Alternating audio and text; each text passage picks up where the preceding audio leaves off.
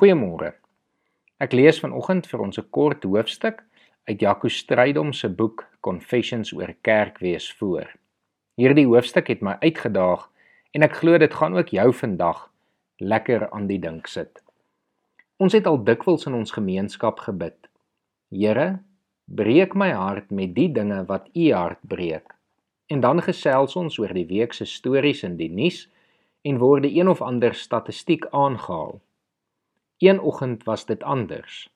Ek was saam met 'n klompie jong mense en studente in die kindersaal van 'n tipiese vervalle Afrika hospitaal.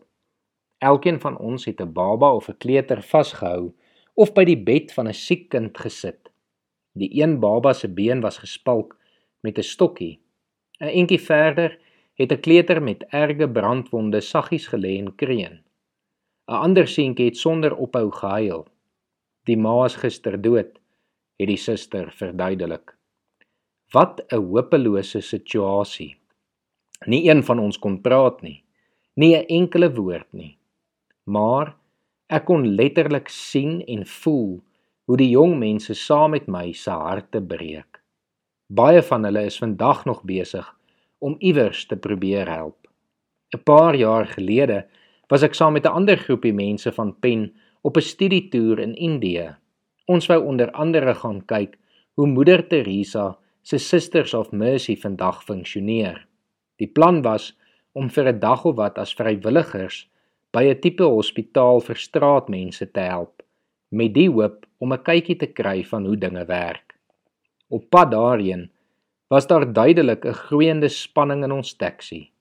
Af en toe sou een van ons die atmosfeer probeer verlig met 'n grappie of 'n niksegende opmerking oor die strate wat weer baie besig is of so iets. Niemand wou dit hardop sê nie. Maar ons was bang.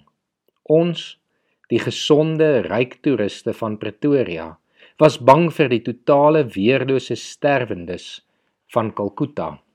Uiteindelik het die hele storie goed uitgewerk vir ons in elk geval. Die pasiënte het ons met baie deernis en begrip ontvang.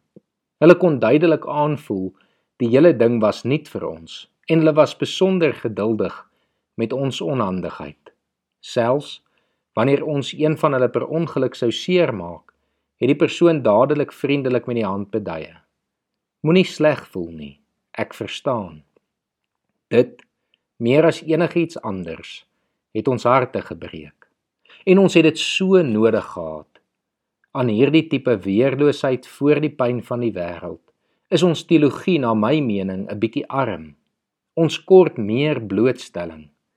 Die klaskamers, die deurkamer en kerkgebou is eenvoudig te veilig, te gemaklik, te ver. Koerante en nuusberigte, selfs goeie geestelike boeke, is op hulle beste maar soos die elektriese vensters in 'n motor met ligreëling wat ons deur die venster sien, vul dalk ons harte met jammerte, maar jy kan nie regtig lief wees vir statistiek of die karakter in 'n storie nie. Marinda van Niekerk het eendag gesê, "There is a difference between reading their stats and seeing their faces up close." Selfs goeie teologie is leeg sonder empatie. Die twee is nie veronderstel om sonder mekaar te bestaan nie. My probleem met baie bedienaars van die woord vandag is nie hulle gebrek aan teologie nie. Hulle lees en sê al die regte goed, maar hulle gebrek aan empatie. Hulle loer op 'n afstand en praat deur die glas. In ons manier van kerk wees, is dit heeltemal moontlik om teologies te floreer sonder dat jou voete die grond raak sonder dat jy ooit in die plakkerskamp of in die middestad kom daar waar die meeste suid-afrikaners bly. Dit moet verander. Jesus het afgekom aarde toe. Dalk moet 'n paar van sy volgelinge dit ook probeer. Kom ons bid saam. Here vanoggend moet ons erken dat dinge nie vir ons altyd so maklik is nie. Dat hierdie wêreld met sy gebrokenheid vir ons baie keer iets is waarvan ons probeer wegskram. En Here, dan kan ons nie anders as om vanoggend U te dank dat U bereid was om juis in al hierdie gebrokenheid mens te word en onder ons te kom woon, Here, sodat U verlossing vir hierdie wêreld kon aankondig. Ons loof U daarvoor en ons doen dit in Jesus se naam. Amen.